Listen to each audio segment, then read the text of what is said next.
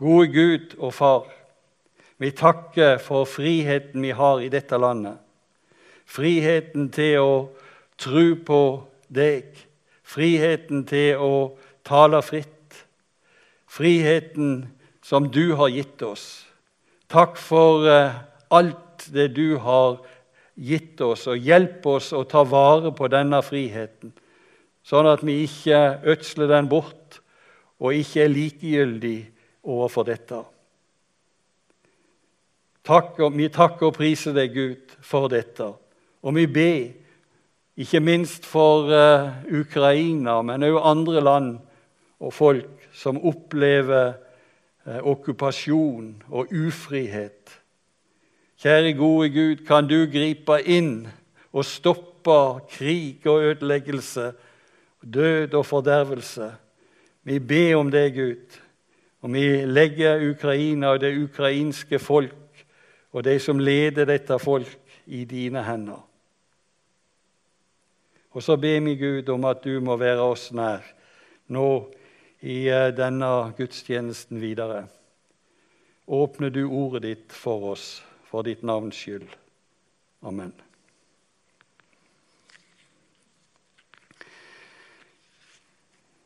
Vi har allerede blitt minnet om eh, litt av det som er innholdet i dagens tekst, men nå skal vi lese den i sammenheng fra Johannesevangeliet, det 14. kapittel, og de elleve første versene. La ikke hjertet bli grepet av angst. Tro på Gud og tro på meg. I min fars hus er det mange rom. Var det ikke slik, hadde jeg da sagt dere at jeg går og vil gjøre i stand et sted for dere? Og når jeg har gått og gjort i stand et sted for dere, vil jeg komme tilbake og ta dere til meg, så dere skal være der jeg er. Og dit jeg går, vet dere veien. Thomas sier til ham, 'Herre, vi vet ikke hvor du går. Hvordan kan vi da vite veien?' Jesus sier, 'Jeg er veien, sannheten og livet.' Ingen kommer til Far uten ved meg. Har dere kjent meg, skal dere også kjenne min far. Fra nå av kjenner dere ham og har sett ham. Da sier Philip, Herre, vis oss Far, og det er nok for oss. Jesus svarer, Kjenner du meg ikke, Philip, enda jeg har vært hos dere så lenge? Den som har sett meg, har sett Far. Hvordan kan du da si, 'Vis oss Far'? Tror du ikke at jeg er i Far, og Far i meg? De ord jeg sier til dere, har jeg ikke av meg selv. Far er i meg og gjør sine gjerninger. Tro meg, jeg er i Far, og Far i meg. Om ikke for annet, så tro det for selve gjerningenes skyld.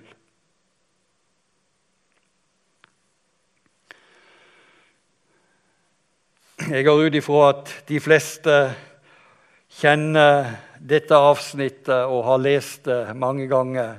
Iallfall det verset som vi ble minnet om spesielt her innledningsvis. Og òg dette med, med Jesus som, eh, som skal dra bort for å gjøre i stand et sted for sine. Det er blitt kalt dette avsnittet her ifra, som starter i Johannes 14 og eh, går tre kapitler framover, blir kalt for Jesu avskjedstale til disiplene. Og jeg vil jo si at den er vel verdt å lese og studere nærmere. Men la oss først ta med litt av bakgrunnen. For, for selve innledningssetningen her er jo litt uh, bemerkelsesverdig. For Jesus sier 'la ikke hjertet bli grepet av angst'. Og Hvorfor sier han det? Jesus og disiplene er nå midt inne i påsken. For ikke mange timer siden satt han sammen med disiplene rundt eh, bordet og, og feira påskemåltidet. Det jødiske påskemåltid som ble feira til minne om eh, israelsfolkets eh, utgang fra Egypt og frigjøring fra slaveriet i Egypt. Et måltid som skulle være prega av fest og glede fordi at Gud hadde gjort det store under og fridd de ut fra fangenskapet i Egypt. Men så, etter at de har feira dette påskemåltidet, så begynner dramatikken. For så sier Jesus at det er én iblant dere som skal forråde meg. Det er en som eh, i denne stund skal forlate oss og gå og forråde meg. Og så peker han ut Judas, og så forlater Judas fellesskapet. Men det stopper ikke der. For noen ganske få minutter seinere, må vi anta, så har Jesus en samtale med Peter. Og så sier han til Peter at uh, før hanen har galt tre ganger, så skal du ha fornekta meg. Hva er det som er i ferd med å skje i disippelflokken? Og som ikke dette var nok, så sier Jesus til disiplene at 'jeg skal forlate dere'. Jeg skal ikke være sammen med dere en stund nå. Jeg kan forstå at disiplene ble grepet av angst og uro for den situasjonen som de eh, har opplevd, og som Jesus nå tegner for dem. Det er bare noen ganske få timer og minutter siden han har gjort det. Han har sagt dette til dem. Og jeg forstår at uroen brer seg. Det disiplene har hørt, fører til usikkerhet og uro. Ja, vår tekst taler om til og med angst blir prega av dem. Og jeg tror at særlig det han sier om at han skal forlate dem, skaper den store usikkerheten.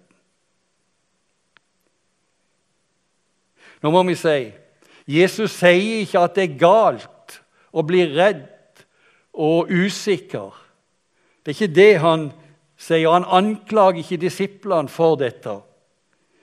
Fordi at Jesus vet hva det vil si å være menneske. Jesus vet at det går an å bli redd og usikker. Og hvem av oss har ikke kjent på det i våre liv? Uro, usikkerhet, til og med angst for et eller annet som eh, vi har opplevd i livet vårt. At eh, noen av våre nærmeste eller vi sjøl har blitt syke. At noen opplever krise i familierelasjoner, vennskap som ødelegges, økonomiske problemer. Hvem har ikke da opplevd å bli redd og bli urolig? Og Jesus sier ikke at det er det som er feil at de blir urolige. Han vil vise dem en vei gjennom uroen. Og Derfor sier han videre, 'Tro på Gud og tro på meg.'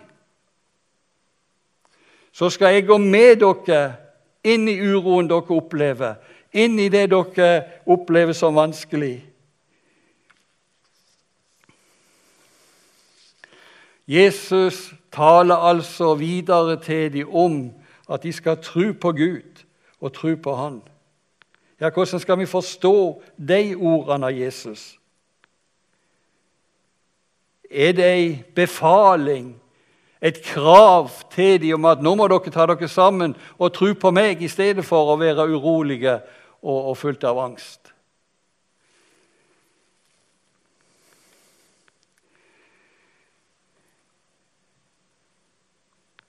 Men eh, da må vi spørre hva vil det si å tro?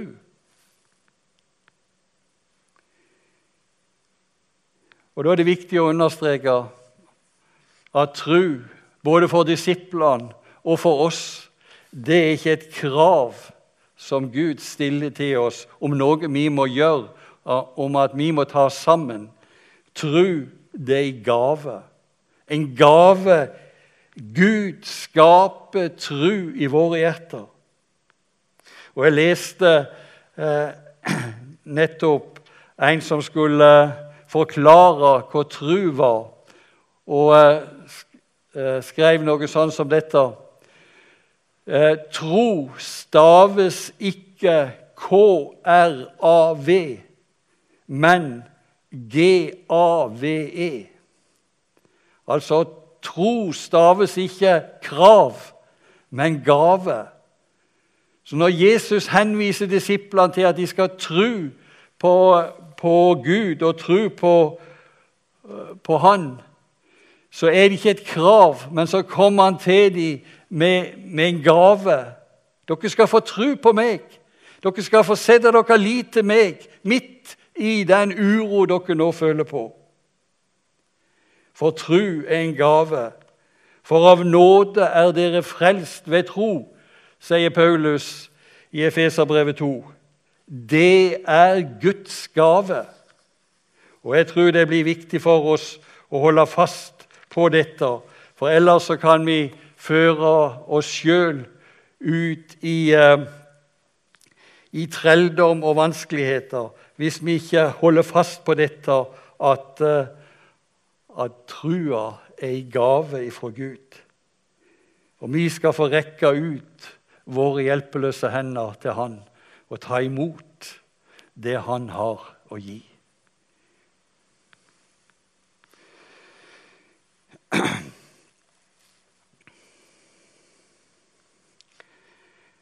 Så fortsetter Jesus å tale til disiplene. Og nå eh, sier han i min fars hus er det mange rom. Var det ikke slik, hadde jeg da sagt dere at jeg går og vil gjøre i stand et sted for dere?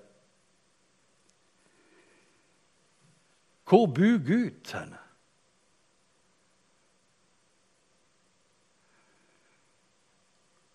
I Det gamle testamentet og i den jødiske tradisjonen kan vi lese om israelsfolket som var utvalgt av Gud. Og så kan vi lese om hvordan Gud ordnet det eh, synlig for dem at han skulle være til stede i folket. Ved at han eh, eh, gi instrukser om tabernaklet som skal bygges og reises opp. Og seinere så kommer tempelet i Jerusalem. Hva var det dette skulle være et, et et bilde på og et budskap om? Jo, det skulle være et budskap om at Gud vil bo midt imellom sitt folk.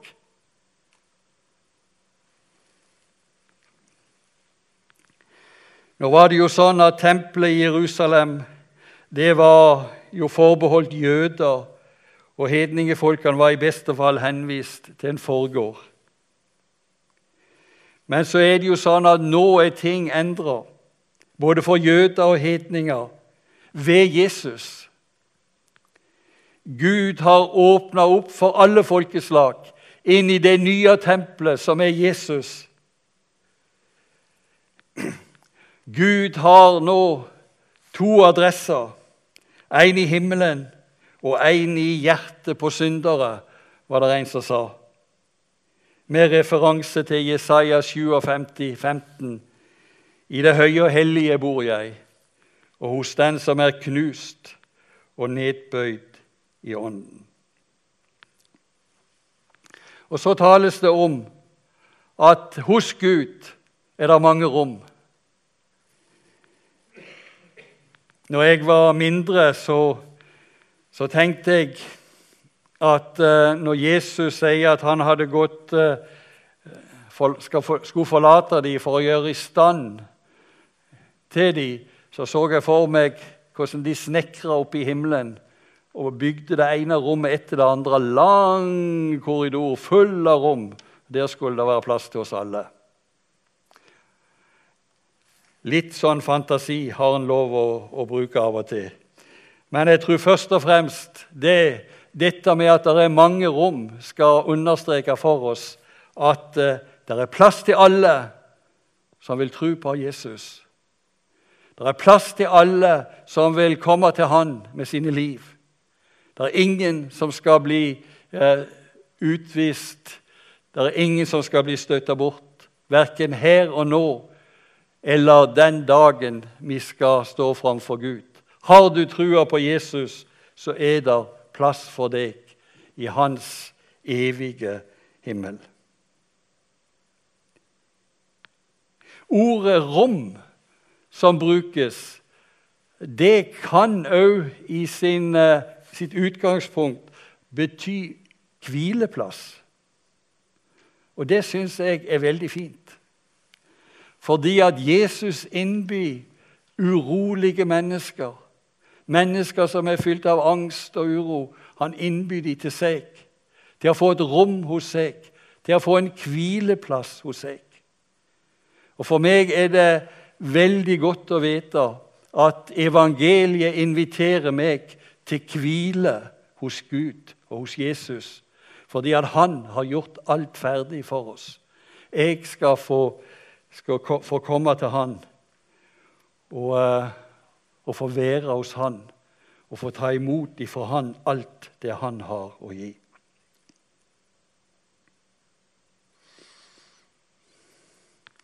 Jesus han eh, forlater disiplene for å gjøre i stand et rom til dem.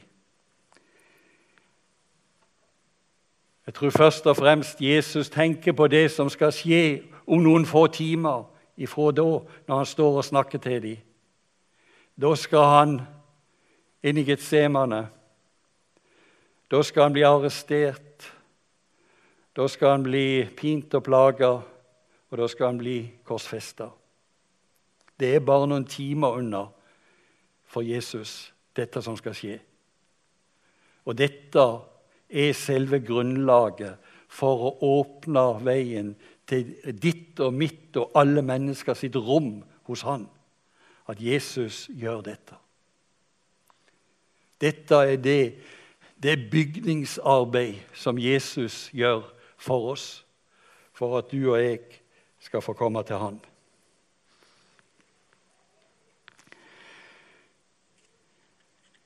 Så har vi blitt minnet om at Jesus i dette avsnittet som vi har lest, snakker og tar uttale disse ordene som er så kjente, at 'Jeg er veien, sannheten og livet'.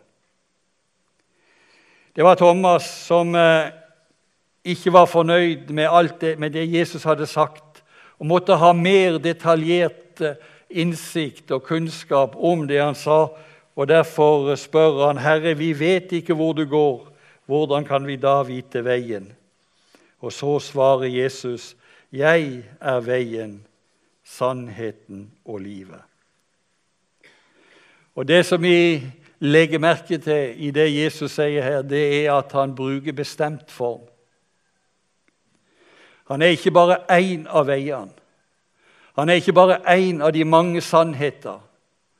Han er ikke bare én av de mange forskjellige måter å leve livet på.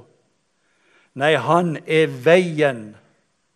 Den ene veien som fører inn til, til livssamfunn med Gud. Den ene sannheten som forteller sannheten om eh, Gud og oss mennesker og det behovet vi har for den frelse som Jesus skal tilveiebringe for oss. Det er én universell og eviggyldig sannhet vi her står overfor. I motsetning til det vi ofte kan høre i vår tid om at eh, 'jeg har min tru, jeg har min sannhet', 'jeg eh, tenker sånn og sånn', og jeg føler det sånn og sånn. Den enkelte sine følelser, meninger eller opplevelser blir av og til oppheva til sannhet.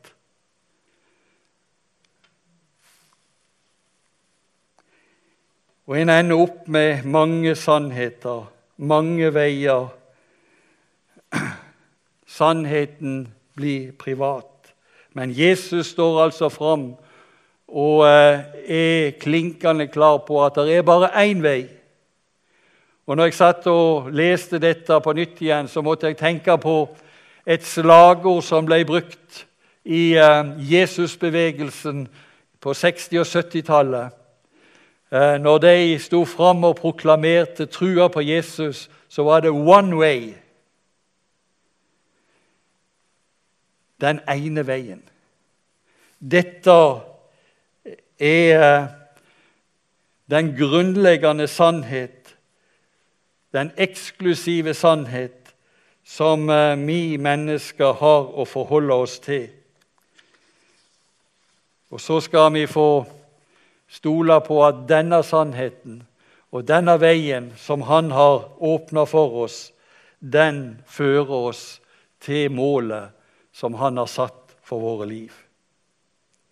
Gud vil at vi skal være der Han er, at vi skal ha tro på Jesus og få del i det evige håpet.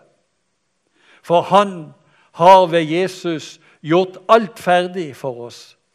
Vi skal få tro på Gud og tro på Jesus. Og Derfor er, det ditt spørsmålet til deg òg i dag. Lever du i dette forholdet til, til, Gud og til Jesus, at du tror på Han, at du har lagt ditt liv i Hans hender, at du stoler på Han, og at du er på vei mot det målet som Han har satt for uh, vår vandring her i livet. Og så er, må jeg òg i dag minne om at uh, mens vi er på denne vandringa mot det målet, så må budskapet om Jesus videre ut. Fordi at det er et eksklusivt budskap. Men det er ikke for en eksklusiv gjeng som sitter på i Straume Forum i dag eller i andre kirker og bedehus. Det er for alle mennesker. I våre nærmiljøer og utover i, i verden. Det er for alle mennesker. Derfor må vi videre med Jesus. Amen.